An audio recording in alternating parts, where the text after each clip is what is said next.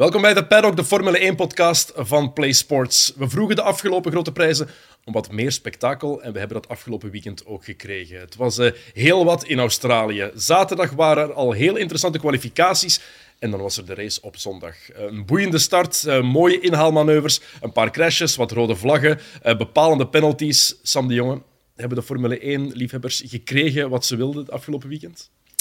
Ik denk het wel, eindelijk eigenlijk. Het was een beetje koffie die kijken voor dit weekend. Twee Grand Prix gaat die niet heel veel duidelijkheid gaven op veel vlakken en ook niet zo interessant waren om te volgen. Australië, it delivered, hè. zoals altijd. Het was zeer, zeer, zeer intens en interessant. We gaan er zo meteen eh, uitgebreid op doorgaan, maar we zitten hier niet met twee. Je hebt uh, opnieuw iemand, meegebracht. Nee, inderdaad. Uh, ik ging eigenlijk gisteren na de wedstrijd nog naar de Ronde van Vlaanderen kijken. Uh, met Tom Bonen samen, maar ik was eigenlijk te moe. Het was zo'n intense Grand Prix. Uh, ik heb al twee woorden dit koffiedik kijken en Tom Bonen, dus dan komen we uit bij de nieuwe koning van de koffie uit Brugge. Welkom, uh, Stefan Lammes. Dag Sam. Dag Dennis. Dag Stefan. Ja, je zit er natuurlijk niet om over koffie te praten, nee, nee, ja, over koers te praten, want je bent uh, uh, heel lang uh, sportjournalist al, ehm, met vooral ja, gespecialiseerd in, in, in paardensport ook. en natuurlijk ook in de auto's, autosport. Autosport. En ik heb wel een beetje van alles gedaan in mijn carrière, maar ik vond het wel leuk dat Sam mij vroeg en ik, ik zat erop te wachten natuurlijk. Hè, want ik heb natuurlijk, ja, voor de duidelijkheid, waarom komt hij met koffiedik enzovoort? Omdat ik sinds enkele jaren een barista-diploma heb en ik ook daarin werk met mijn eigen zaakje. Dus uh, Lammy Koffie en Thee. Hè. Uh, even reclame maken voor mezelf. Dank u om mij te vragen daarvoor. Hè. Dan kan ik dat ook eens doen. Uh, maar dat is een passie die trouwens, ik zei het net nog ja. eens begonnen is in 2004 in Melbourne. Toen je daar was voor de Toen Formule 1? Toen ik daar was voor de Formule 1, want ik heb negen jaar commentaar verzorgd vanuit Melbourne. Omdat dat de eerste race van het seizoen was altijd destijds. Ja.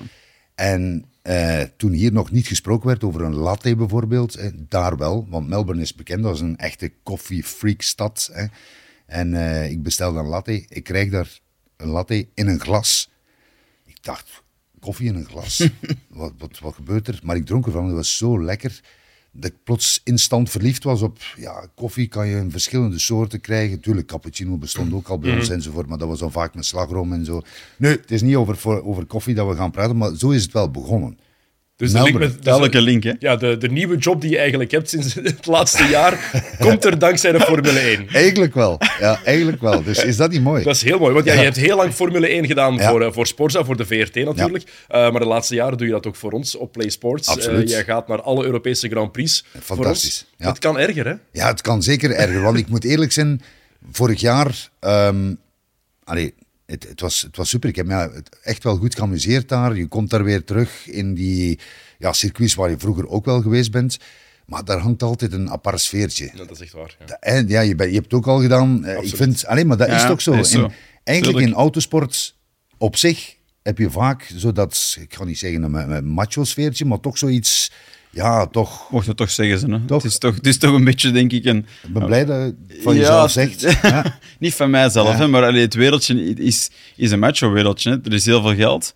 Het gaat om snelheid, om auto's. Ik bedoel, er zijn, je kunt niet veel meer stereotypen bij elkaar plakken, denk ik, om een sport uh, te vormen dan autosport. Maar langs een andere kant, als je het een beetje beter kent en je begint u er wat in te verdiepen van hoe interessant het eigenlijk is, dan, dan verandert, die, allee, dan verandert die perceptie misschien wel een beetje. Het is ook een heel leuk en klein wereldje eigenlijk. En ja. ik vind de studio doen ongelooflijk leuk, maar ik ga er niet over liegen. Ik mis het ook wel om af en toe eens naar daar te gaan. Want daar zijn met die rijders praten, met de teams praten, met andere journalisten praten, zien hoe het er daar achter de schermen aan toe gaat dat is toch nog iets helemaal anders. En dan voel je je ook effectief onderdeel van die wereld. Absoluut. Well, voilà, zo beschrijf je het juist. Je voelt je een deel van, een onderdeel van. En ik heb toch allez, in mijn carrière ook al behoorlijk bekende mensen geïnterviewd, maar ik moet telkens weer, als ik, ah, als ik daar sta, zoals vorig jaar in die tv-pen, dan zeg ik soms tegen mensen van, ja, dan praat ik even met Max Verstappen of met Lewis Hamilton.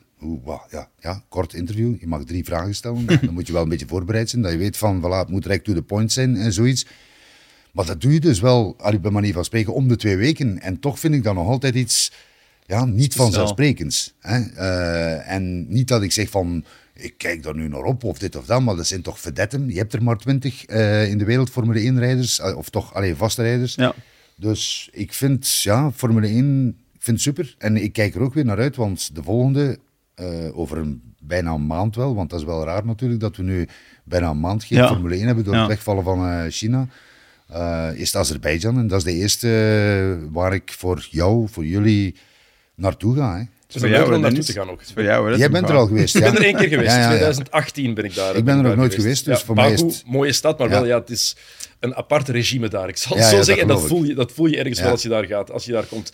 Um, maar toen was het ook tof als je daar bent. Er zijn altijd ook optredens van uh, bekende artiesten gratis voor de mensen die daar voor de Formule 1 zijn. Dus ik ben benieuwd wie er gaat zijn als jij uh, over een maand naar daar gaat. Want dat is interessant. Bij ons was het wacht, Jamiroquai de ene dag, dan Christina Aguilera graaf, en dan Dua Lipa. Oh, is ook, slecht. Ook ja. gaaf. Ook tof, hè? Dat was plezant, hè? Jamiroquai ook top. Dat wordt dan jouw eerste vraag aan mij. Ja, wie gaat er optreden? ja, absoluut. Ja. Oké, okay, en straks gaan we het nog hebben over wat er nog komt dat je al gedaan hebt, Stefan, ja. als we daar tijd voor hebben. Want ik zei het daarnet al, het was een heel interessante, incidentrijke, gebeurtenisvolle grote prijs. Dus ik heb het geprobeerd om het gewoon chronologisch aan te pakken. Leek mij het meest logische ja. om een klein beetje overzicht te behouden. Want anders gaan we het helemaal nee, kwijt zijn wat er allemaal gebeurd is. Dus we gaan eerst terug naar zaterdag, de kwalificaties. En meteen de eerste grote verrassing van dit weekend. Sergio Perez, die in de grindbak belandt. Sam, wat gebeurt daar? Wat, is er, wat heeft Sergio Perez verkeerd gedaan? Of wat was er, was er met de wagen, zoals hij zelf zegt? Ja, op zondag in de studio hebben we daar ook even kort over gehad. En eigenlijk hebben we er geen echt sluitend antwoord op.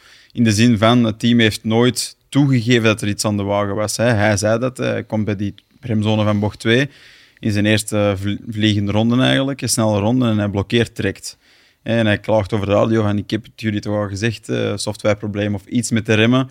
Um, het gevoel in de remmen. Uh, achteraf werd dan gespeculeerd dat het zou gaan over de uh, pads eigenlijk, de blokken.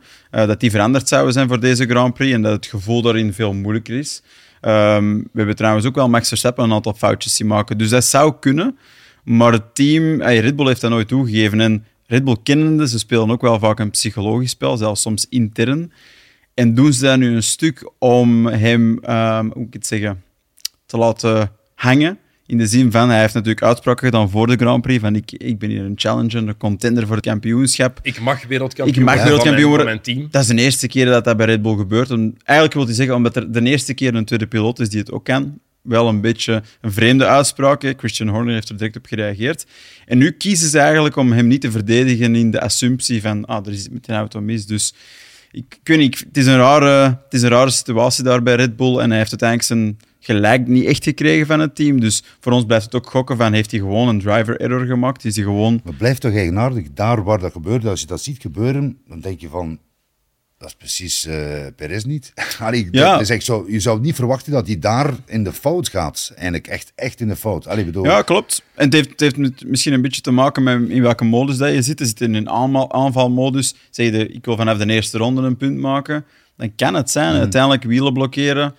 Ik weet dat voor de meeste mensen die nog nooit in een raceauto hebben gezeten, lijkt dat iets raar, maar dat is heel gemakkelijk om te doen, zeker op de limiet. Dan zit hij er heel dichtbij constant. Dus dat hij dat doet, is niet zo vreemd. Misschien was de bandentemperatuur er nog niet helemaal, et cetera, et cetera. Er zijn verschillende factoren die meespelen, maar in ieder geval, ja, dat, heeft, dat was wel echt heel slecht voor hem, voor hem en voor het team eigenlijk. Hè. En de timing helemaal, zoals je net gezegd hebt. Hij had dat dan uitgesproken dat hij de steun voelt van het team. Dat hij denkt dat het team hem effectief steunt om Ja. wereldkampioen te mo- kunnen worden. Dat hij tegen Max Verstappen mag strijden. Daar kwam het eigenlijk op neer. Ja, als je dat dan net gezegd hebt en je gaat meteen in de fout in Q1. Je zal- kan geen slechtere timing hebben dan dat voor Perez. Nee, nee, dat is waar. Dat is toch iets eh, ja, mentaal hè, ook al. Ja. Want hey, vergis je niet, de, wat is het nu? 15 punten verschil intussen. Na de race hebben we het dan eh, uiteraard. Eh, dan begin je toch weer al Nu zeker snel, na, na, Ja. die, na die uitspraken nog van voilà. En hij zal zichzelf nog weer extra onder druk moeten zetten. Ik herinner mij, ja, eh Perez, die liep er vorig jaar ook soms in die TV-pen bijvoorbeeld, moet ik zeggen, vaak zo, niet onverschillig, maar zo echt zo van, ik heb er eigenlijk geen goesting in. hè. Niet gemotiveerd. Echt waar. Nee, dat was opvallend hoe hij... Allee, ik breek hem niet af of zoiets, hè, maar, maar toch zo dat je zegt van... Hey, je voelde dat hij zo'n beetje de, de tweede viool eh, bespeelde. Zo, Ja. En dat hij daardoor zo van... eh, ja, ik weet het niet, het was, dat was toch eigenaardig. Zo. Dat vond ik wel iets opvallends, was dat. eh. Ja, ik denk wel dat dat, dat, dat eigenlijk bij de meeste tweede piloten van Red Bull zo is geweest. Hè. Bedoel, Ja. dat, dat is gewoon een moeilijke omgeving om te werken. Ergens is het fantastisch, je zit in de beste wagen. Dat is natuurlijk een eer, een voorrecht. Maar langs de andere kant weet ook direct dat natuurlijk één met Max Verstappen in dat team je amper kans hebt.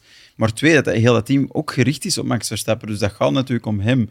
En dat is natuurlijk misschien niet de meest leuke omgeving om dan uh, te werken. Ja, Verstappen die pakt de pole. Uh, eerste keer ooit in Australië. Dat is het positieve natuurlijk voor, uh, voor Red Bull. Een paar andere positieve punten die we gezien hebben in de kwalificaties. Mercedes, 2 en 3. Um, Russell Absoluut. die het opnieuw beter doet dan Hamilton. Het is niet de eerste keer dit jaar. Dus Russell is eigenlijk de, de betere rijder ja. voorlopig dit seizoen. Ja. Nee, nee, absoluut. En ook gisteren bij de start.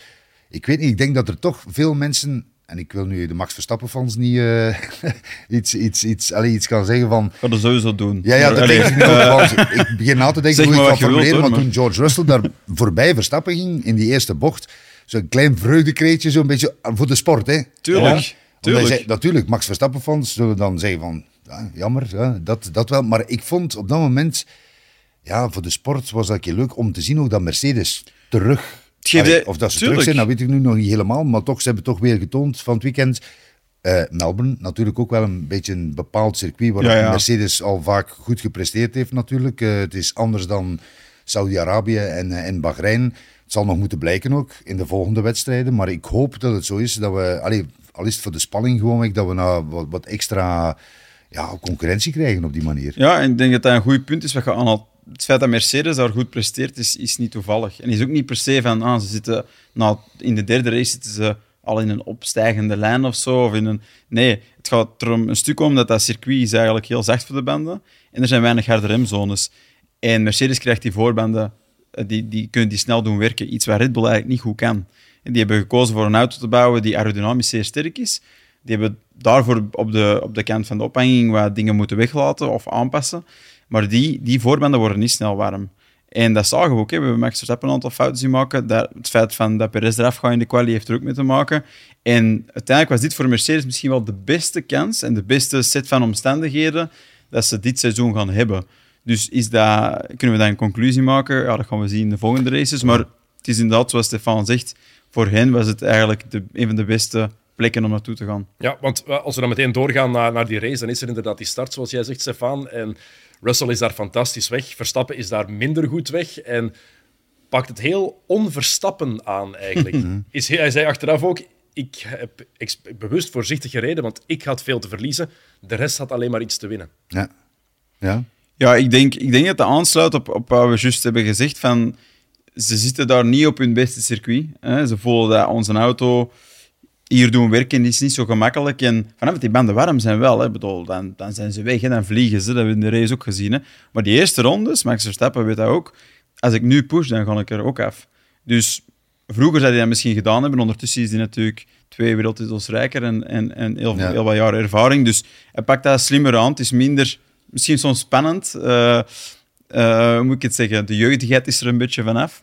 Maar hij rijdt wel slim. Ja, want het zegt eigenlijk ook alles over de maxverhoudingen dit jaar. Als hij zegt, ik heb alles te verliezen, de rest heeft eigenlijk alleen maar iets te winnen. Dat is meteen ook zeggen van, ja, wij zijn zo, of ik ben zo oppermachtig. Ik weet dat ik gewoon geen fouten moet maken en gewoon punten moet pakken. Ja, en hij wil gewoon... Hij, dus de perfectie is belangrijk voor hem. Hè? Dus dat zie je in alles gewoon. Hij wil ook alles winnen. Hij, allee, hij neemt geen vrede met een tweede plaats.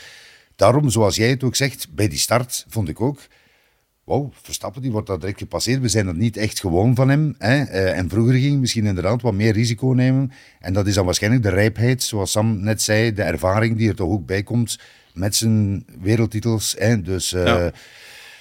ja. ik uh, zie hem enkel maar evolueren, maar dan denk ik soms een keer terug aan Michael Schumacher vroeger, hè? Of, of zelfs Lewis Hamilton. maar zeker Michael Schumacher, hier voor de uitzending hadden we er eventjes over gehad ook. Ik zeg van, ik weet nog vroeger, Schumacher, die startte en bij manier van spreken, na enkele ronden was hij uit beeld verdwenen. En dan moet je commentaar gaan geven bij, uiteraard, bij achterhoedegevechten. De rest van de, Maar het was nog anders. De perceptie was anders. Nu is toch iets... Allez, ik, ik weet niet, het is anders nu, op dit moment. Verstappen is ook ja, oppermachtig natuurlijk. En dan kan je denken van, oh nee, het zal toch niet zijn dat hij elke wedstrijd gaat winnen, bij manier van spreken. Hè.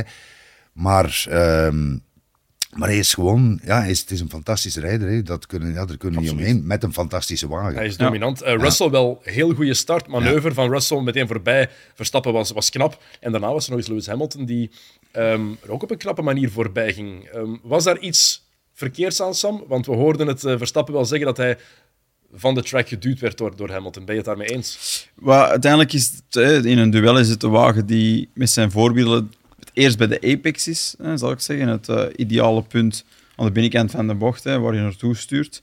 Um, ja, die mag eigenlijk die plek behouden, die moet geen ruimte geven. En dat was Verstappen.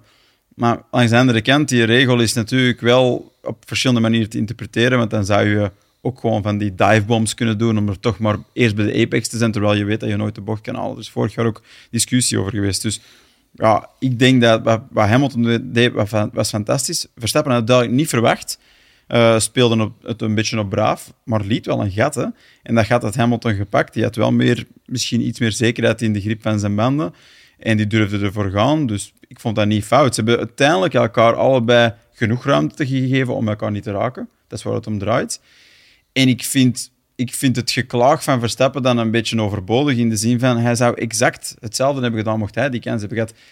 zelfs, zelfs nog meer hebben gedaan. Ik bedoel, die zou, het is een beetje flauw als het is bij hem overkomt, want hij is altijd degene in de andere auto die het doet. Dus oké, nu overkomt het hem. Ik bedoel, we spreken wel over Lewis Hamilton, niet over een nieuwkomer die iets probeert. Ik bedoel, zevenvoudig wereldkampioen, weet wat hem aan het doen is. dat is duidelijk. Um, toen was het al wel game over voor Charles Leclerc toen dat gebeurde. Toen Hamilton er voorbij ging, was het voorbij.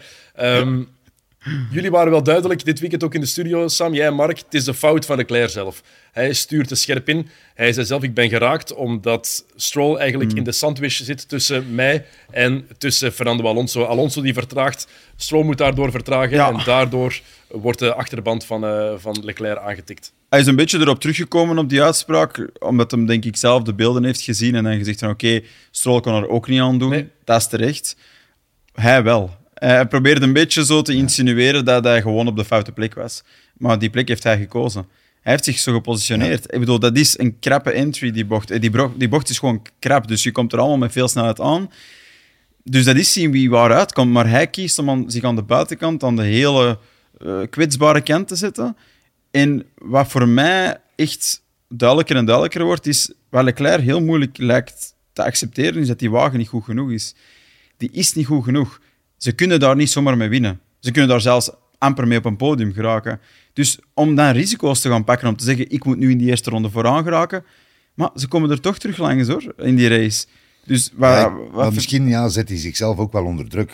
Absoluut. Het blijft absoluut het is ja. Leclerc, hè, het is Ferrari. En dan heb je op een bepaald moment dat je van nu moeten we het gaan. Maar ik vond dat ook wel direct, dat was te optimistisch. Tuurlijk. Op, op, op die plek.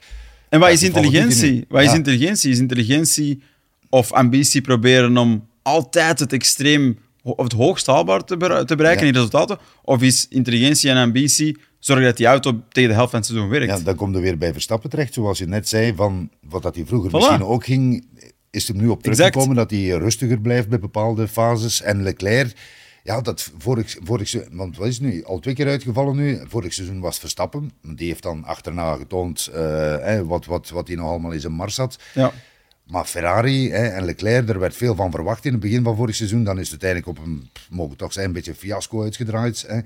En nu, het valt weer al tegen voor Ferrari. Uh, wat ik ook weer jammer vind, hè, want uiteraard, hoe meer concurrentie, hoe leuker voor de mm. sport natuurlijk. Wat ook niemand verwacht had, denk ik, dat het zo slecht zou ja, zijn. Ja, voilà, want oh, dat is het. Dat, dat, wat je zegt Na vorig jaar had je gedacht, okay, ze gaan te kunnen voortbouwen op de basis die er was van vorig jaar en enkel sterker en de, eerste de, winter test, kunnen komen. De eerste test, die toonde dat weer aan we waren toen wel sceptisch van, hè, typisch Ferrari, als het... Hè, voor het seizoen moeten ze even aan, de, aan heel Italië laten zien dat ze er zijn en dan zullen we wel zien of dat lukt tijdens het seizoen zo. Ja, het is weer van dat. Hè. Maar we hadden wel hogere verwachtingen. Hè? Na, door het begin van vorig seizoen. Absoluut. Want als ze zichzelf niet zo ver in de voet hadden geschoten vorig jaar, hadden ze veel langer meegedaan dan wat het geval was geweest. Klopt. Uh, dan, over Charles Leclerc dan even individueel. Wat je wel ook merkte aan zijn reactie toen hij in die grindbak terechtkwam de gelatenheid in zijn stem. Ja. Het is toch maar grote prijs nummer drie, maar je voelde die teleurstelling. En daarom denk ik dat het relevant is wat jij zegt. Die wagen is niet goed genoeg. En ik denk dat hij dat zelf ook heel goed, goed beseft. En dat het daardoor dat hij die teleurstelling zo in zijn stem hoort. Ja. Dat is natuurlijk puur gebaseerd op wat wij horen. We weten dat natuurlijk niet, maar zo komt het over. Dat is waar, maar als dat zo is, dan past hij zich nog slechter aan de realiteit. Als je dan toch weet dat die wagen niet goed genoeg is, waarom pak je dan dat risico? Omdat je een winnaar bent, omdat je in een auto zit en je wil nog altijd er wel voor gaan. Ja, maar een winnaar is ook iemand dat een team kan naar, naar de top brengen. Ik bedoel, dat is wat Schumacher exact met Ferrari heeft gedaan. Die is een auto gestapt dat niet werkte, dat twee jaar lang, hey, dat ervoor al jaren, al twintig jaar niet werkte, dat al twintig jaar geen titel gehaald, heeft twee jaar geknokt, kwam uit een, uit een, uit een periode dat hij, dat hij twee keer wereldkampioen wordt met Benetton. en kiest voor Ferrari en kiest voor een heel moeilijke situatie en hij doet het. Dat vind ik zo van, dat is een sterke leider. En ik vind dat Charles Leclerc iets te weinig die verantwoordelijkheid op zich pakt om te kiezen. Ik ben de leider en ik zorg ervoor dat wij terug vooraan geraken. En in autosport is dat voornamelijk data verzamelen. En dat betekent ronde rijden. Ik bedoel, er is geen testing. Je moet die rondes en die kilometers doen, zodat de ingenieurs achteraf kunnen zien dat werkt, dat niet, dat werkt, dat niet. En dat is, dat is nu eenmaal de moeilijke oefening waar autosport vaak is, en zeker op dat niveau. Uh, groot moment nummer één, uh, groot moment nummer twee was de crash van Alex Albon, die nogthans goed aan het rondrijden was. Ik denk net daarvoor waren wij nog aan het zeggen van Albon, laat opnieuw een goede indruk na in geen geweldige Williams-wagen, die beter is dan vorig jaar, maar het is geen wagen om, om echt mee voor de overwinning of de top 10 eh, echt te strijden. Kan hem toch eens gebeuren, maar die was goed aan het rondrijden en dan die spin. Is het zijn eigen fout daar? Want hij verliest gewoon de achterkant van de wagen.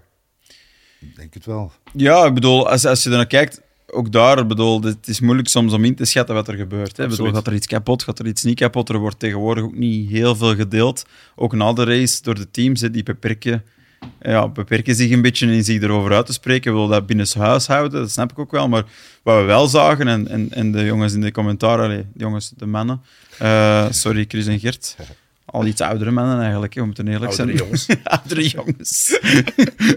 die, uh, die zeiden het ook terecht. Hij ging nogal breed in de bocht ervoor. Um, kwam daar wat in het vuil. Raakt hij daar misschien een klein beetje de muur? Heeft hij een trage leegloper? Kan, linksachter. Komt hij in het vuil, gaat die temperatuur van die band omhoog? Is er, ligt, eh, hangt er vuil aan? Is er te veel stress op die buitenband geweest? Bedoel, nogmaals, we praten over 1, we praten over kleine marges die veel uitmaken. Het is in ieder geval een rare manier om een wagen te verliezen. Hè. Die achterkant die geeft dat gewoon op. Dat is de band die zegt, oh, ik heb geen grip meer. ja, dat is exact wat dat gebeurt. Ik bedoel, er zijn auto's die beter zijn en die kunnen verder gaan met die band. Maar met die auto en die band op die plek, zei die band, dat gaat voor mij niet meer. En die heeft opgegeven en voilà, dat was een crash. Maar het was zeker atypisch voor Albon, dat, allee, die een fantastisch weekend had op, op dat punt. Hè. Allee, voor Williams, Top is Sam, je hebt voor de uitzending gezegd dat jouw banden ook een beetje zeggen van jouw auto van uh, daar. Hè? Ja, dat is met, met, een auto op de openbare weg. Ik moet ook eens voor nieuwe banden gaan zien, want die zijn ook redelijk op. Maar ik heb nog geen crash gehad. Dus. Ja, iemand anders die ook goed aan het rijden was, Nico Hulkenberg, was op zaterdag ook indrukwekkend in de kwalificaties. Die vermijdt daar die wagen op een bijna miraculeuze wijze, want het scheelde niet veel. Maar je ziet ook dat dat ook een man is met ervaring. Hè? Dat, ik, vind dat, ik vind dat een hele goede zaak dat hij terugkeert ook, want dat is iemand, dat is altijd een goede rijder geweest ook. En ja, je moet ook soms het juiste moment, juiste plaats enzovoort. En nu is hij hmm. terug. En hij bewijst nogmaals dat hij daar zijn plaats waard is, vind ik. Uh, ik vind dat heel, ja. ik vind dat terecht. Ik denk dat heel veel mensen ook daar niet echt een geloof hadden in, in de terugkeer van Hulkenberg. Was zo, eh, weet je, too late, uh, te oud. Uh, ja. Ik bedoel, waarom gaat die terughalen? Ja, die heeft een aantal keer ingesprongen voor een aantal teams, maar is dat nodig om die terug te halen? Voor mezelf, ik was wel redelijk positief in de zin, ik, ik dacht wel te begrijpen dat ze bij Haas ergens een constante zochten. En ze wilden ook een benchmark voor Magnussen, snap je? Dat was, dat was Mick Schumacher niet. Nee. Ik bedoel, Magnussen maakte een heel goede indruk ten opzichte van Schumacher, maar misschien haalde hij niet het meeste uit die wagen. En met de wagen van dit jaar denk ik dat dat wel heel duidelijk is dat dat niet het geval is. Hè. Ik bedoel, Hulkenberg rijdt hem letterlijk naar huis. Hè tot nu toe, dit jaar. En ook in quali op één rond. Het, is gewoon, het verschil is gigantisch. Hè? Ja, gelukkig voor hem dat hij die wagen van Elben kan vermijden. Um, En dat de schade niet nog groter was. Um, want ja, dat grote gevolgen meteen wel, die, die crash van Elben. Eerste gele vlag. Ja. Russell reed op de eerste plaats. Die komt binnen voor een pitstop voor nieuwe banden. Wat een logische beslissing leek. Hamilton en Verstappen die blijven buiten. Mhm. En dan, korte tijd daarna, beslissen ze om van gele vlag naar rode vlag te gaan. Is dat de juiste beslissing? Dat moet ik misschien eerst vragen. Wat denk jij? Uh, ik vind het niet echt uh, de juiste beslissing. Nee. Nee, nee ik, denk, ik denk dat dat klopt. Ik denk dat het moeilijke... Het moeilijke is dat de FIA, die, die schommelen altijd. Hè. Die, die, die hebben geen duidelijke... Moet ik dat zeggen? Een diagram dat zegt dat gebeurt, dus dat, dat, dat, dat is de uitkomst. Die willen altijd zo de context te veel bekijken. En ik denk dat ze een beetje uit voorzichtigheid hebben gekozen om een rode vlag te doen. Waarom? Ik bedoel, als er een safety car komt en al die wagens komen samen, er lag wel heel veel grind op de baan. En ze moesten ook ver op de baan lopen om het op te ruimen. Ja. Dat dus we ook. Voilà, het, gaat over het, het gaat over even... Ze hebben een slot nodig waarin dat ze al de grind kunnen wegvegen. En dat zou er nooit geweest zijn. Ze zouden een stukje hebben kunnen wegvegen en dan hadden die auto's nog eens langsgekomen. Maar er moet een gat zijn eigenlijk in de trein van wagens, waarbij die marshals veilig op de baan kunnen komen. Ja. Dat is toch, door, toch de juiste beslissing. Ja, het is, het is de juiste beslissing, maar zouden misschien wel moeten zoeken naar manieren dat het anders aangepakt kan worden. Want het is natuurlijk een rode vlag die de race niet verbeterd heeft. Hè. Mensen zouden, zouden durven zeggen, ja, het was rood om het spannender te maken. Russell zijn we kwijtgeraakt. Ja, want daar was de race van Russell voorbij. Voilà. En, en natuurlijk... Verstappen kwam dichter bij Hamilton, dus het heeft... Iedereen krijgt een vrije pitstop eigenlijk door die rode vlag. Daardoor is die pitstop van Russell helemaal geëlimineerd en ver, verliest de kans om terug mee te doen voor de overwinning, want hij kwam buiten op de zevende plek, denk ik. Ja, dat was... Het heeft het zeker niet spannender nee, gemaakt. Daarom moeten de regels anders. Moet je geen vrije pitstop meer kunnen krijgen onder rode vlag. Ik zou dat uh, het, ja, een voorstander van zijn. Ja. ja. Het, het, is zeer complex. Hè? Ik bedoel, we spreken over bepaalde banden die je moet gebruiken. Je moet de twee compounds gebruiken. Ja. Er wordt gezegd, je moet de twee compounds gebruiken. Er wordt niet, uh, eigenlijk wordt er in de reglementen niet gezegd dat je per se een pitstop moet doen. Wat natuurlijk wel zo is, dat hangt samen. Maar je bent niet verplicht bijvoorbeeld om twee pitstops te doen. Je moet gewoon die twee banden hebben gebruikt. Dus zouden we ergens moeten zoeken naar een manier dat als, als je binnenkomt, dat je of een bepaalde band moet gebruiken, of dat je niet mag van banden wisselen. Maar inderdaad, op deze manier is het soms iets te gemakkelijk en dat pakt spijtig genoeg voor ons gisteren dan al vroeg in de wedstrijd een beetje de grootste spanning weg van die dreiging van Mercedes. Hè? En ook al omdat je dan, hè, je leeft mee met George Russell ook ergens van zo'n goede start. En dan, ja, hoe pijnlijk is zoiets dan op zo'n moment? Zeker voor een ambitieuze rijder als hij, want we bekijken hem toch ook nog altijd als een potentiële wereldkampioen op uh, termijn. En hij bewijst dat ook weer. Je hebt het net ook gezegd van in de kwalificaties enzovoort. Uh, dat, hij, dat hij echt ook sterk bezig is. Mhm. En dan gebeurt dit. Hè, dan kan ik echt wel me voorstellen dat je baalt. Hè. Ehm, is dat een goede beslissing? Ja, zoals Sam het dan uitlegt, denk ik misschien. Het is natuurlijk een gevaarlijke situatie. Hè. Let op, zoals je zegt, al dat grind dat er ligt en ver. En je moet maken dat die marshals en zo, dat die ook veilig kunnen werken natuurlijk.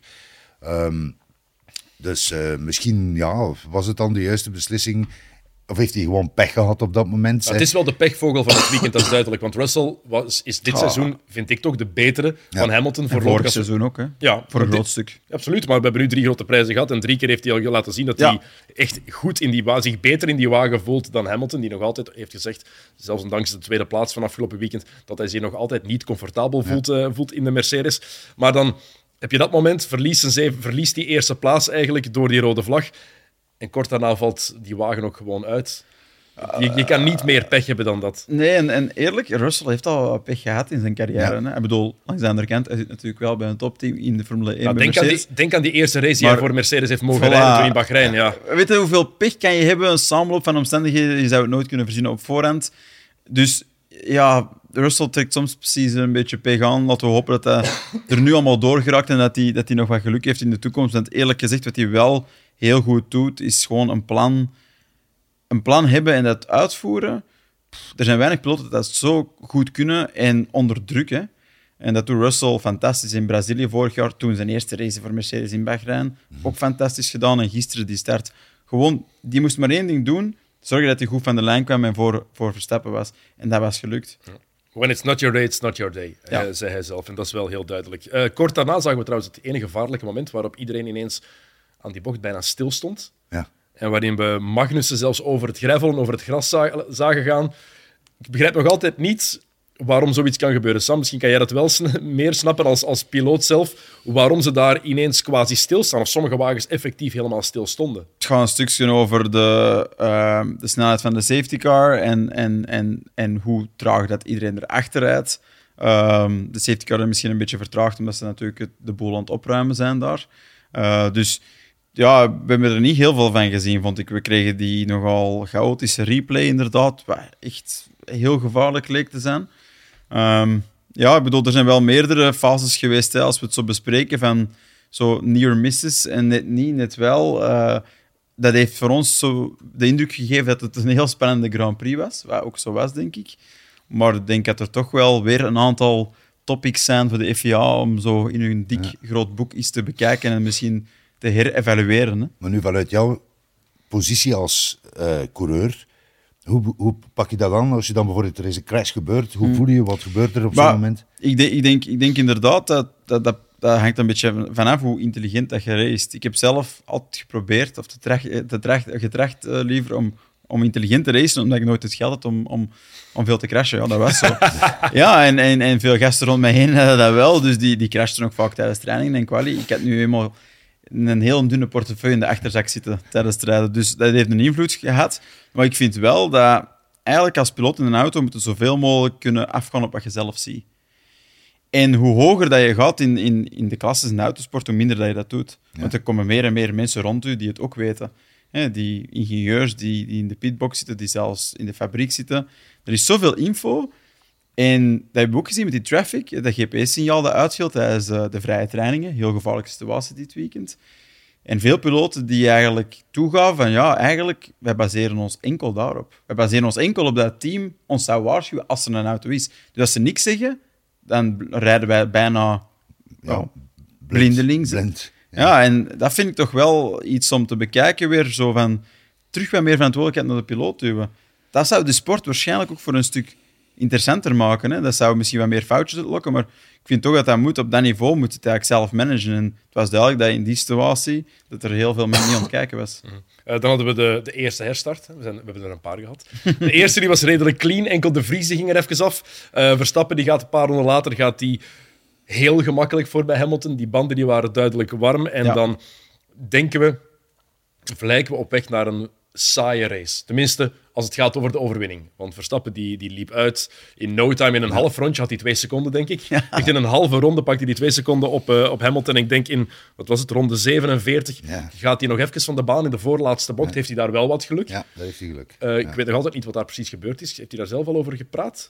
Nee, maar ik denk dat het misschien zou kunnen samenhangen met uh, die brakepads. Hè? Ja, maar die, uh, die remblokken die, die veranderd zouden zijn. Uh, en, en een stuk gewoon toch wel de grip op de voorband, die voor hun op dit circuit gewoon niet ideaal was. Uh, zacht asfalt, uh, Bahrein bijvoorbeeld. En Jeddah ook nog redelijk was. Zeker Bahrein was heel ruw. Hè. Jeddah wat minder, maar Australië was echt zacht.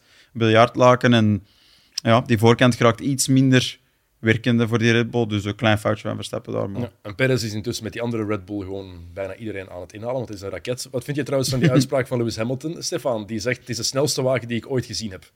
Alonso uh, heeft al gezegd, Lewis Hamilton heeft een kort geheugen.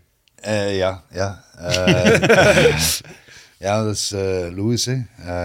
maar, maar ja, als je zegt van Perez, hoe die voorbij iedereen ging, toch op een heel imposante manier. Hè? En uiteindelijk is hij wat, vijfde geworden. Vijfde, ja. uh, toch wel knap. Absoluut. Uh, vind ik. Um, Zeker op dat circuit. Uiteindelijk, alleen na die kwalificaties die volledig tegenvallen waren voor hem, dan uiteindelijk uh, doe je dat. Dan ja. bewijs je toch ook weer toch je klasse. Hè? dat je echt wel ja, een, een bepaalde kwaliteit hebt. Ja. dat je thuis hoort in dat team, maar dat je natuurlijk wel. Ja, je, je loopt weer al achter de feiten. En nu op dit moment... Uh, ja, en dat is soms gemakkelijker. Hè? Als je een foutje maakt in quali, wat natuurlijk heel rot is, als je dan van achter start, dan heb je bijna niks te verliezen. Hè? Dus anders, als je op pol start, dan heb je alles te verliezen. Dus ja, de, in de window werken, waar Verstappen altijd werkt, van eerst vertrekken en eerst eindigen, dat, waar de druk toch wel wat hoger ligt. Ik weet niet of dat, dat Perez op dat niveau kan zitten. Ooit.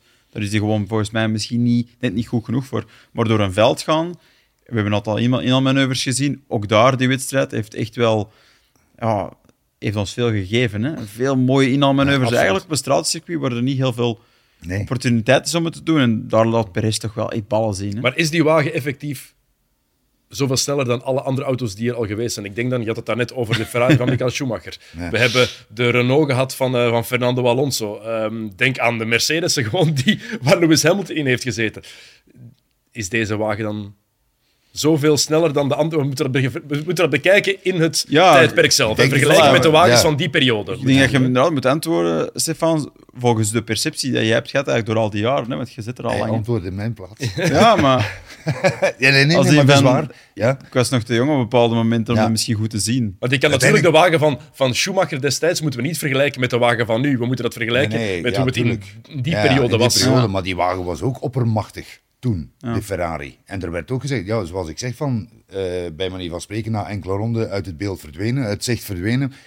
Ja, dan kan het ook niet anders dat die wagen gewoon oppermachtig was ten opzichte van die andere wagens. En die andere wagens waren ook goed, net zoals het nu is. Hè? Maar dat moet heel frustrerend zijn voor die andere teams om dan te zeggen van, hoe doen ze dat? Mm. Hè? En dat is elk jaar maken dat je beter of weer dichter aanleunt bij, maar je ziet Hè, Ferrari, zoals we al gezegd hebben, uh, valt helemaal tegen. Nu, hopelijk Mercedes zijn die wat aan het terugkeren. Terwijl dat Toto Wolff toch ook ergens vorige week gezegd had van... We zijn mijlenver van Red Bull. Ja. ja dan was ik wel aangenaam verrast nu met wat er van het weekend gebeurd is natuurlijk. Uh, dan is dat toch niet zo mijlenver. Maar het zal weer moeten blijken in de volgende, in de volgende race. Uh, ben nu aan het denken, uh, Baku of Mercedes daar... Weer, weer heel snel circuit. Ik denk dat het vooral wacht is op de eerste klassieke circuits. Ja, dan, gaan we, dan gaan we pas meer weten. Als we naar Spanje gaan bijvoorbeeld, dan gaan we pas duidelijker mm. weten hoe het er... Want Baku komt eraan, uh, dan hebben we uh, Emilia-Romagna hebben we dan dat eraan komt, en dan is het Monaco. Dat is, dat, is, de GP van Stefano, Stefano Imola, mensen. Dat hebben we vorig jaar in het leven geroepen. Hè? Daar ga jij zijn, hè? Dat had ik, dat ik nu echt nog gemist, zeg maar. Dus Sam ja, gewoon... Allee, ja. Dat hebben we vorig jaar gezegd toen je daar live was. En ik denk dat we dat dit jaar iets kunnen doen met t-shirts of zo. We gaan, iets, we gaan iets regelen. we lijken dan op weg naar een, naar een gemakkelijke overwinning van Verstappen. Het zijn 58 rondjes en is er lap 53 en dan is er Kevin Magnussen. Voor iemand van jullie al duidelijk wat daar nu effectief gebeurd is.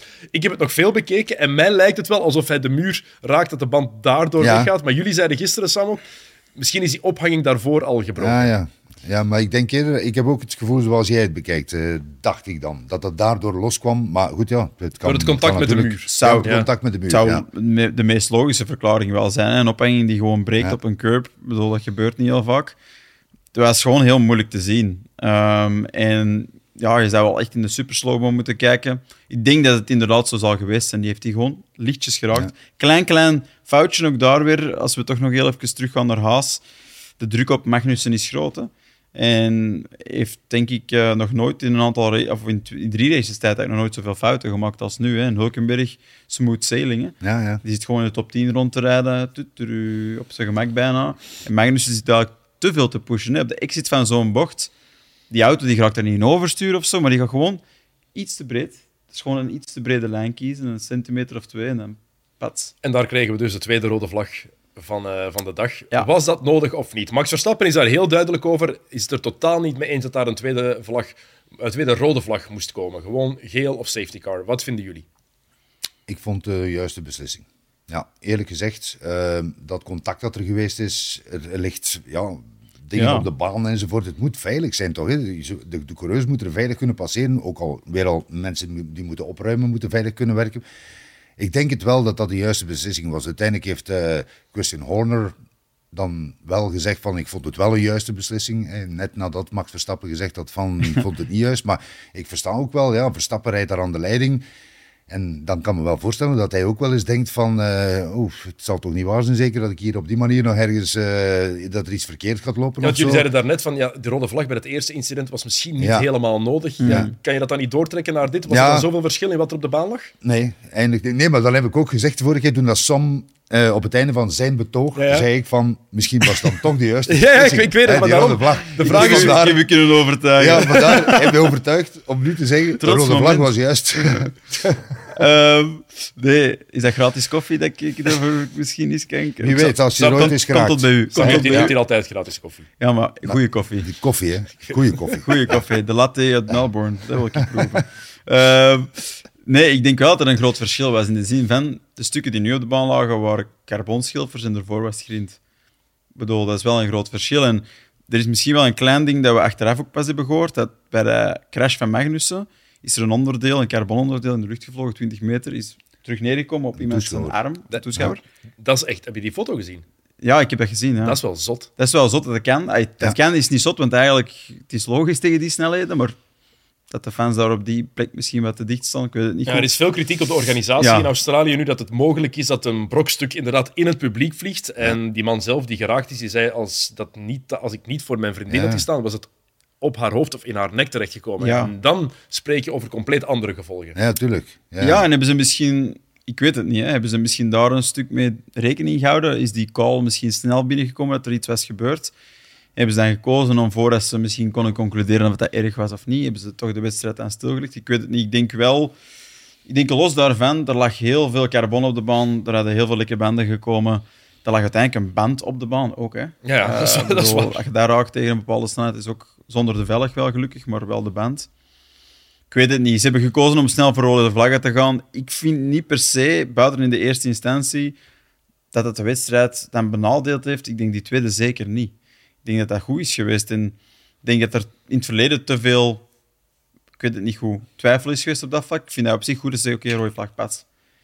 Op het einde hebben ze dan weer getwijfeld, maar goed, er gaan we zeeuws komen. Maar op dat moment, snelle beslissingen. En ook logisch, zeg maar Stefan. Wel, nee. ehm Toto Wolf die had toch ook duidelijk gezegd van soms weten we het zelf niet allemaal goed en we zouden graag hebben dat er iemand kan zeggen van nu is het rode vlag, Ja. nu is het virtual safety car of het is een gewone safety het car. duidelijker is Dat allemaal. het duidelijk is.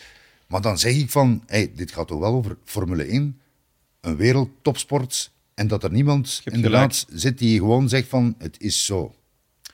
Voilà, en geen discussie. Hè?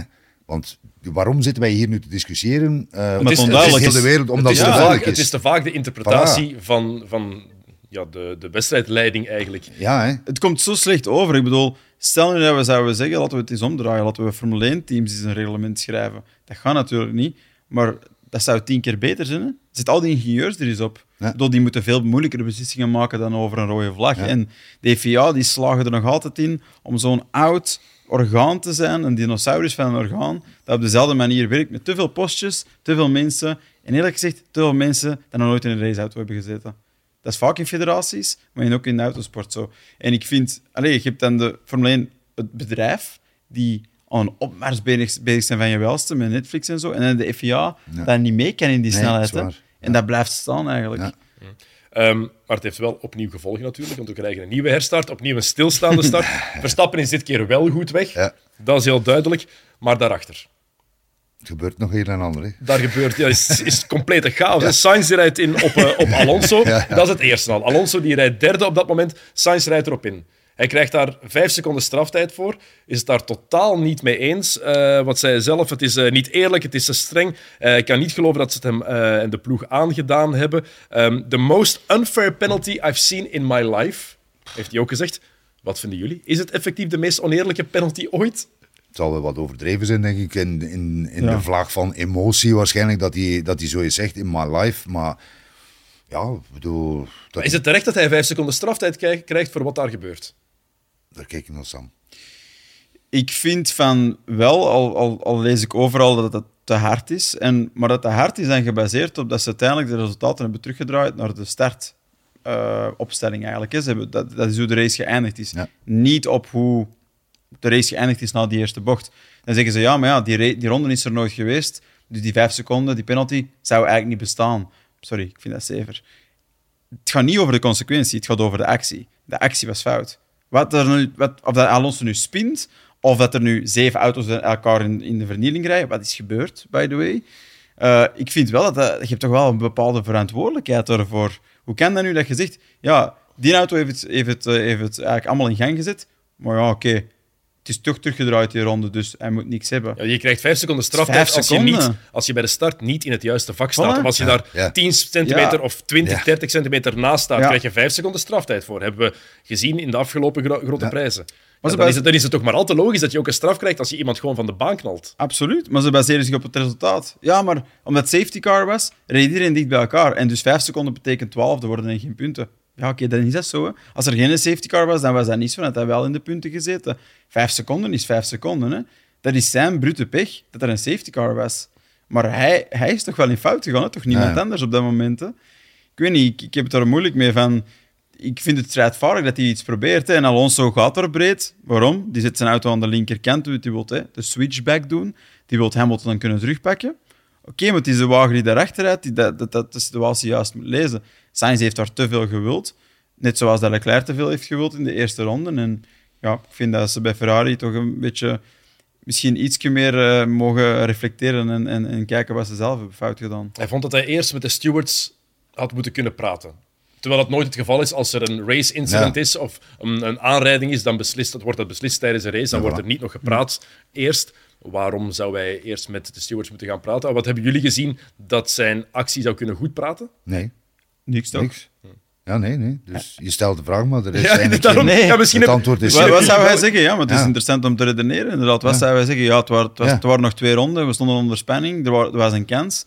Twee, mijn banden waren koud, Ja. eerste bocht. Dat is allemaal wel waar, maar dat was voor iedereen zo. Hè? Ja, natuurlijk. En hij is degene dat het in gang zet. Allee, daarachter gebeurt er... Weet niet, wat, wat is jullie favoriete aanrijding? Want je kunt kiezen. Ja, want de volgende is eh, Gasly. de twee Ja. boezemvrienden. de twee ploegmaats, Gasly Ja. en Ocon. Ja. Maar voor mij de favoriete, dat ik daar even mag toegaan, is Sargent. Die de Vries meepakt. Ja. Gewoon Maar- rechtdoor. maar- maar- Eerste bocht. Heeft zelfs niet gestuurd bijna. Het is gewoon te laat geremd, ook koubaan en gewoon de Vries meegepakt. Echt, dat vond ik Ja. dat is bijna komisch. Ja, de, de, de Vries die kon niks doen. Die was effectief gewoon passagier, want die werd gewoon, werd gewoon weggecatapulteerd Ja. bijna. Ehm, maar ja, de, de meest spectaculaire was wel die tussen Gasly en, Ja, ja, en- toch en wel, ja. Ocon. Eh, Gasly heeft zich blijkbaar al verontschuldigd volgens Ocon. Eh, maar als je dan het interview van Gasly na de race hoorde, die wou daar gewoon niks over zeggen, was te teleurgesteld. Ja. Ja. natuurlijk, het zag er goed uit voor hem. Hè. Hij was op weg naar, Supergoed, naar hè. de vijfde plek. Ja, absoluut. En eh, ja, los van de, de verhoudingen tussen die twee, hè, dan Ja. nog ja, twee landgenoten en, eh, De spanning die er en de hangt. spanning die er hangt. Je kan kennen eh, van vroeger. Dan, dan, dan zeg je toch van, allee, hoe is het mogelijk eigenlijk gewoon dat die twee dan nog elkaar aanrijden eigenlijk gewoon, of de ene de andere aanrijdt. En ja, Gasly was dan even te twijfelen, want hoeveel strafpunten heeft hij al intussen? eh dacht al bijna tien of zoiets. En dan ging je er nog misschien twee bij krijgen, ging je al een race aan de kant mogen Ja. staan.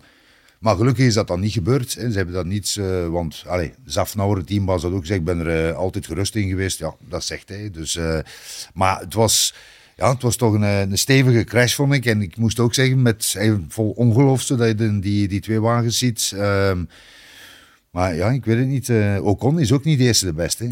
Die, Nee, ik bedoel, ik denk, het- het is, toch, het is toch een klein beetje gedeelde verantwoordelijkheid. Ja, Pas op, het is chaos. Hè? En, en, en je rijdt uiteindelijk aan zo'n hoge snelheid. Het gaat over centimeters, soms dat je elkaar raakt. Dat is ook wat er hier weer gebeurt. Maar ik vind wel dat Gasly, die daar wat moet ontwijken en wat meer naar de binnenkant gaat, niet echt op de juiste lijn zit.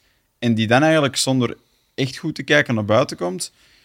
Ja, Ocon had misschien niet zo opportunistisch de neus ertussen moeten steken, maar ik vind toch wel iets meer Gasly die gewoon zonder te kijken Ja. terug naar rechts gaat, zijn lijn pakt alsof er niemand is. Er was wel iemand.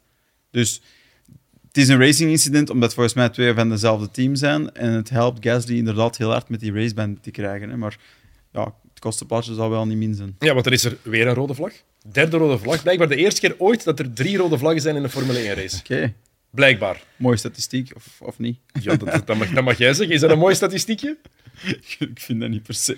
Nee, maar allee, het, het, zegt er gebeurt wel, er, er- er gebeurt wel altijd iets. Hè. Als je de voorbije twee jaar bekijkt, wat er allemaal van ja, opmerkelijke dingen gebeurd zijn. Hè. Zoals je nu zegt, drie rode vlaggen, dat hadden we nog niet gehad. Voilà, Ja. wat is het in de volgende race? Ik weet het niet. Dus daarom mag je zeggen van Formule 1 ja, eh, heeft vaak tegen, eh, lang het etiket wat saai gehad. Zeker, ik zeg weer, tijd van Schumacher enzovoort. Zelfs met Hamilton, die alles domineerde, bijna ook zo. En nu, ja, is dat Doen ze te veel? Doen ze te veel Ja, eraan om het interessant te maken? ik, denk ik je? denk, maar ja, maar ik heb nu gelezen dat ze eh, nog van plan zijn om het formaat ook nog een beetje te veranderen nu. Want eh, wat is het in Baku. Baku is normaal eh, ja, is een sprintrace. Ja. En dan zouden ze afstappen, zouden ze twee kwalificaties of zo. om- Ja, ze willen een kwalie op zaterdag en een kwalie op zondag doen voor elke race. ja, ja, ja, ja. Dus, Waarom? Ja. Nog, Om het nog aantrekken, om het los te koppelen van de zondag. Hè. Ja. Dus eh, dat is eh, dat ze zich allee, niet zouden Zwaar. moeten inhouden en, eh, en, en dat ze iets meer risico zouden kunnen nemen om het meer spektakel van te maken. Dus altijd spektakel, spektakel, dat is het woord. Te snappen, maar ja. Nu, is het woord, eh, ja. kijk, net voor de uitzending hadden we het ook even over. Dat ik zeg van Dominicali had het zelfs over, ja, zeker volgend jaar 24 races. Nu, China is weggevallen, dus gaan we moeten zien dan. Eh, maar hij had het zelfs over, wie weet, misschien ooit 30 op een jaar. Ja, dat, is, dat, dat heeft hij misschien zomaar gezegd om te zeggen van wie weet, want als dat allemaal kan, 30. Hè, dus nu is het al... Tijdens dat interview kreeg hem zo, zoals in een cartoon zo dollartekens Ja, door zijn ogen. ja, ja. Ja. Want uiteindelijk daar gaat het toch ja, over. daar hè? gaat het over. Ja, is- absoluut. het is, het is, allee, iedereen binnen dat wereldje strest over de stress die er is voor, voor de mensen die daar werken. De Ja, ja. onmogelijke Want, schedule. want, want de rijders zelf op zich hebben daar geen probleem mee. Want Die die, stappen op de die rijden graag. Ja, voilà, voilà, het is dat. Maar het is al die logistieke... Ja, al het lange logistieke weken, wat hè? erbij komt. Dus voor dat personeel Ja. is, is gigantisch. Dus stel je voor dat, dat er 30 wedstrijden zouden zijn. Dan, waanzin. dan zouden er veel scheidingen zijn ook. waarschijnlijk. waarschijnlijk. Eh, wij hebben lang moeten wachten trouwens, op die, die derde rode vlag. Ja. We hebben heel lang moeten wachten om te weten wat er ging komen. Dat Ja. was geen reclame voor de sport. Nee. Totaal niet. Dat je moet uitzoeken kan gebeuren, maar je, we hebben een half uur gewacht, denk ik. Een half uur, ja, zeker. ik denk weet ik, niet meer zeker hoe lang het was, En- maar het voelde super lang. Voor dan een één ronde nog af te leggen. Maar dat is de grote vraag, want daarmee wordt veel bepaald. Hadden ze opnieuw naar buiten moeten gaan? Want ze hebben een rondje achter de safety car Ja. gereden en dan mochten ze elkaar niet inhalen en was de race gedaan. Maar daardoor, door die beslissing om opnieuw naar buiten te komen en opnieuw achter de safety car te beginnen en uiteindelijk dat ene rondje zonder in te halen af te eh, maken, zijn de posities vast. De eerste ronde voor de crash was gebeurd voor die derde rode vlag. Die posities die zijn teruggezet. Hè. Iedereen heeft de positie gekregen van bij de tweede herstart. Maar omdat ze opnieuw naar buiten zijn gekomen, betekent dat wel dat de twee Alpines bijvoorbeeld buiten de punten vallen. Anders had Gasly zijn plek gewoon behouden. Klopt. Is het de juiste beslissing geweest om toch nog naar buiten te gaan om gewoon in een treintje de, de race af te maken? Goh, ik moet eerlijk toegeven dat ik vind het zo complex worden dat, dat, dat ik eerlijk gezegd ook niet daar een helemaal correct antwoord op kan geven. Wat, wat, wat ik zelf vind is dat, of wat ik denk is dat uiteindelijk gaat het vaak over de omstandigheden van een race. Er is nog tijd. Je moet het binnen de beschikbare tijd afleggen, de race. Dat was zo. En de omstandigheden zijn doenbaar. Er is geen regenvloed of iets Ja. anders wat, wat niet mogelijk maakt om te rijden. Dus ze moeten in die zin die race afmaken, ook al is er nog maar één ronde. Hebben ze gedaan. Dat is in die zin juist. Dat is het reglement. Dat is het reglement, Ja. dus dat is, dat is correct, denk ik. Ja. Ehm, dat ze zijn teruggegaan naar de startopstelling, hè? eh, dat, ze, dat ze de auto's hebben zogezegd teruggeplaatst of in positie hebben teruggegeven. Daarbij, ze- daarvan zeggen ze, ja kijk, eigenlijk, wij moeten eigenlijk bij de eerste sectortijd, vanaf daar kunnen we bepalen wie er nog in de race zit en wie waar zit. En dan hebben we dat kunnen pakken. Maar door die crashes is die rode vlag gekomen voor die eerste sector. En zitten we in een niemandsland waarbij we niet weten wie waar zit. Ja, want dat is wat Gert Vermeers ook schreef in zijn, eh, in zijn artikel in, in het Nieuwsblad. Die had geschreven, ja, de, de volgorde ehm, moet bepaald worden volgens het laatste punt waarop die bepaald kon worden. kan worden, ja, voilà. De vraag is, Wat niemand weet wat dat Nee. punt is. Nee. Nee. ook weer zo'n onduidelijkheid. En Een heel grijze zone. heel, heel grijze zone. En Haas zegt dan van, pak dan, pak dan de safety car 2-lijn. hè? Dat is eigenlijk op pit exit. Dat had, dan- dat had dan toch eerlijk geweest. Maar natuurlijk, Haas wilde dat, want dan is de positie gewonnen. Had Hulkenberg voor Norris geëindigd, denk ik. Ehm, maar dan zegt hij van, ja, ja oké, maar dat is voor de eerste bocht. Dus dan kun je eigenlijk doen wat je wilt. En vol een bak een totaal onlogisch manoeuvre doen, een beetje zoals Sainz. En toch je positie krijgen, dat, dat telt ook niet. Dus er is weer discussie, weer over het zoveelste punt dat we hierover bezig zijn. Discussie over, Het feit dat we er zo over discussiëren. ja, Als nu een, hoe moet ik zeggen, een eh doorsnee sportfan meeluistert. Eigenlijk de, de manier waarop dat jij de vraag al stelde, was al zodanig ik ingewikkeld. zweten, eerlijk gezegd. En da- dan is, het wel, dan is het wel niet verwonderlijk dat uiteindelijk zo mensen afhaken. Dat ze bijvoorbeeld zeggen van, hey, Formule 1, ik, be- ik begrijp niet meer hoe dat in elkaar zit. gelijk, ze, ja. ze racen wel, maar dan wat? Eh, eh, dan opnieuw gestart nog, drie rode vlaggen enzovoort. En ik zeg het feit dat we hier heel... En elke week over moeten En, bezig en zijn. komt Ja. daar nog bij dat we dan nu ook nog eens zo lang hebben moeten wachten voor er een Ja, beslissing viel. Voilà. En dan te kijken van, ah, ze gaan nog twee rondjes rijden of, of één dikke ronde rijden, zonder dat er iets mag gebeuren. Ja, dat is niet goed voor Nee, de sport. nee. En ik denk dat er heel wat mensen hun tv wel hebben durven afzetten. Ja, gewoon van, ja, oké, de Ronde van Vlaanderen is begonnen, gaan we daarna Natuurlijk, dat laatste half uur, ik bedoel... Ze staan er al zo vroeg op op zondagmorgen. ja. Dus eh, ja, dan moet je dan op die manier... Nee, nee, dat is een feit. Is, ja, je zegt, het is geen echte reclame voor de sport. Terwijl dat de sport de laatste jaren toch echt wel allee, opgang gemaakt heeft eigenlijk. Eh, populair, veel populairder geworden is. Maar ik zeg het, als je nu een doorsnee fan bent en niet echt autosport volgt en je zegt, ik ga nu eens kijken, dan wat gebeurt er allemaal? Hè? En zoals we ook gezegd hadden, inderdaad, die ene mens bijvoorbeeld, die alles van buiten kent, gewoon uit het hoofd, die zegt van zo. En er kan niet gediscussieerd worden. Ik denk dat de regels, misschien zijn de regels ook gewoon niet zwart-wit genoeg. Ja, misschien. Ja. Dat mag als er dat, als dit, indien Denk- dat. Er zijn exact. zoveel clausules Ja. Er in zijn die te in het veel... contract. Zo, Ja, ja, je dat je zelf een documentje schrijft en dat je na een tijd denkt, ik ben te ver gegaan? Dat. Gewoon versimpelen. 5A, 1, Ja. E. Dik bolletje, dun bolletje, dik streepje. eh. Eh, ja, het was eh, een beetje een, een klucht opnieuw eigenlijk. Ja, absoluut. Ehm, en daar Alpine daardoor ook geen punten natuurlijk. en daardoor Alonso wel opnieuw in de punten. Ja. Want die krijgt zijn derde plaats terug door die beslissing. Alonso, hebben we het niet over gehad, denk ik? Wel terecht dat hij zijn derde plaats krijgt. Hè? Ja. Krijgt. Ja, Heeft. Ik bedoel, ja, hij is toch hij is een genot om naar te kijken. En voor de eerste keer vind ik in zijn carrière ook naast de baan. hè. Hij is enthousiast, hij is zelfs toegeeflijk. Hij heeft een compliment gegeven Ja, aan Lewis exact. Hamilton. Sinds wanneer geven die elkaar complimenten? Nee, nee, dat is een feit. Maar ik moet Dat is die zeggen... latte in Melbourne. denk dat het flat white geweest zal zijn. Nee, nee, maar eh, het is zo. Alonso, vorig, vorig jaar bijvoorbeeld ook. eh, ik heb hem toen ook eens geïnterviewd eh, in verband met Karel Loos, zijn ingenieur. Hè. En let op, die was altijd heel vriendelijk. Dat viel mij op. Let op, ik ben, moet ik zeggen, eerlijk altijd al een beetje fan van Alonso geweest. Omwille van zijn rijderskwaliteiten ook. Ik bedoel, je moet het maar doen op deze leeftijd ook nog weer. Zot, Maar het Maar- is anders geweest. Ja, het is tuurlijk, ik heb het is hem anders geweest. toen hij ploegmaat van Stoffel van Doorn Misschien was. is dat de leeftijd- toen was, hij, toen was hij niet zo vriendelijk. Nee, nee, nee. Vaak. Maar dat is al even geleden weer. Hè. Dat was eh 2017, 17, 17, 18. Dus eh, dat is even geleden. En ik denk ja, dat hij ook misschien wat milder geworden is door de leeftijd. Het blijft natuurlijk een beest die er Ja. altijd voor gaat. En Als die helm op gaat. volledig, allee, doet alles wat hij moet doen, afgetraind en noem maar op. Ehm, maar ik denk dat hij misschien milder geworden is. Dat viel mij op vorig jaar ook. Hij lachte gewoon, hij deed mee. Dat ik dacht van, is, die is me toch niet aan het uitlachen nu?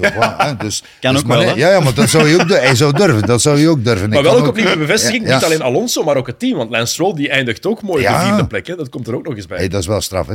Aston Martin, dat vind ik nu toch... wel- We zeggen dat al heel het seizoen natuurlijk, maar we zijn nu drie wedstrijden ver. En wat ze nu toch weer presteren, de bevestiging brengen constant, eh, vind ik echt wel straf. Want ook Lance Stroll, hoe vaak hebben we daar al niet over gezegd van ja, eh, eh, visa papa en, eh, enzovoort. Maar hij toch, zou liever gaan surfen dan rijden. ja, ja, voilà, voilà. Hè, dus, maar nu doet hij het toch maar. Hè. Eh, hij toont ook dat het kan. En Aston Martin heeft daar ja, echt wel goed werk geleverd. Hè, in, eh, Ze hebben al meer punten ja. in race 3 dan eh, heel vorig jaar. ja. Dus dat is fantastisch. Hè? Ik bedoel, mochten we even terugspoelen naar een jaar eerder en zo, zouden we hier hetzelfde, sp- hetzelfde gesprek hebben sorry, Ja. over Aston Martin, zouden we zeggen, Nee. die willen volgend jaar een top 10 zijn. Dat, lacht toch Ja, ja, tuurlijk, tuurlijk. Ze zijn ja. wel de enigste dat die ambitie hebben omgezet in realiteit. In, in heel veel jaren Formule 1 zijn er heel veel grote sprekers en oh, we willen daar eindigen. Ja, oké, maar dat lukt eigenlijk bijna nooit. Ik hoop dat Stoffel van Doorn, eh, toch bijvoorbeeld zeg maar Baku of zo, dat we hem eventjes kunnen eh, paar vragen stellen erover. Ja, dat vind ik, inderdaad. van, van waar komt het eigenlijk, die, allee, die evolutie? Tuurlijk, ze hebben hard gewerkt en zo hoort het ook natuurlijk. Hè. Maar, Maar je hoe moet doet hem- het? Je moet het maar doen. Ja. Ehm, Verstappen die wint, 37e overwinning voor Verstappen, tweede ooit voor Red Bull in Australië, eigenlijk straf. Ja. Eh, Perez vijfde en snelste ronde. Ehm, ja, Ferrari hebben we het al over gehad. Die zeiden op zaterdag, we hebben alles ingezet op zondag. dat was, ja, ja. Alle cartouchen verschoten.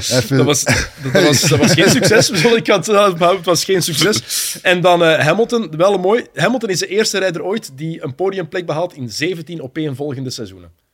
Dat is wel straf, hè? Dus je kan zeggen, ah, hij heeft altijd de beste wagen gehad. En dat is een hele periode zo geweest. Ja, het is wel een gast die eh, constant is geweest. Van zijn eerste jaar, als rookiejaar, deed hij mee voor de wereldtitel. Eh, tweede jaar wordt hij wereldkampioen. Hamilton heeft altijd een goede wagen gehad. Ten eerste omdat hij zo uitzonderlijk goed was dat hij de kans kreeg om in die wagen En te hij was ook zitten. altijd beter dan zijn. Hè? Dat is niet van, ah, hij is toevallig daarin gerold. Nee, ze hebben hem exact gekozen omdat hij al extreem goed was. Ze hebben dat plus een goede wagen, dan, dan krijg je een goed resultaat. En hij zegt ook, ik voel me nog altijd niet comfortabel in die wagen. Ja. En toch haalt hij opnieuw een resultaat, wordt hij nu tweede. Hij zei ook, de hunt is on. Hoe ver dat gaat eh, lopen, zullen we de komende, de komende eh, weken en maanden zien. Maar het is wel goed om een zevenvoudig wereldkampioen weer competitief te zien. Zeker, zeker. Want allee, ik moet ook altijd zeggen, altijd enorm veel allee, respect gehad voor, voor Lewis Hamilton. Ja. Fantastische rijder. Nu, we moeten wel zeggen, we moeten ook bijnemen, George Russell, we hebben het erover gehad in het begin, die valt op eh, een pijnlijke manier uit. Je weet ook niet, stel dat dat niet gebeurt, wat zal er dan gebeuren? Ja. Dat is ook wel het mooie aan die concurrentiestrijd nu bij Mercedes. Het was vorig jaar al een beetje, maar nu zal het nog straffer zijn dit jaar. Zeker ook al omdat je zegt George Russell in kwalificaties iedere keer beter dan eh, Ja. Lewis Hamilton. Voor Lewis Hamilton zal dat toch wel wat pijn doen. Hè? Dus, eh, Of het triggert hem. Triggert hem, kan je- ja, maar het zal wel pijn doen. Het zal pijn doen ook. Hè? Eh, ergens een beetje, toch, ja, maar triggeren. Ja. Het heeft- hij Je heeft kan getriggerd nodig. worden door pijn. Hè? Is dus, ja, versta je? We beginnen filosofisch te doen. Ja, nee, graag. graag. Kun je hoe lang, hoe lang hebben we nog? Nog, nog drie minuten. Drie minuten, ik heb drie minuten om te filosoferen, dat kan. Dan kunnen we één ding doen. Eh, maar nee, ik denk dat dat wel klopt, want zou Bottas dat in hem triggeren? Die triggerde dat minder in hem, hè. Russell, daarvan weet hij... Die wil Je wereldkampioen mag hier niet worden. laten lopen voordat hij het team gaat leiden, dus ik moet hier scherp zijn. Ja. Ja. Ehm Eén naam die ik nog wilde vermelden, dat is Lando Norris. Knap voorbij Hulkenberg gegaan, uiteindelijk zesde geworden. Mhm. Blijkbaar heeft hij een clausule in zijn contract dat zegt dat als het team onder bepaalde verwachtingen blijft, wat die verwachtingen zijn, weet ik ook niet, maar dat als het team onder bepaalde verwachtingen blijft, dat hij weg mag gaan. Ja, dat zou kunnen, hè. Dat is nieuw voor mij. Dat- Ja? Ja. De vraag is naar waar, hè. Ja. bedoel, waar is, het, waar is er plek? En waar is, waar is het echt beter? hè? Ik bedoel, momenteel zijn er best wel wat teams die... Ferrari is niet de betere plek.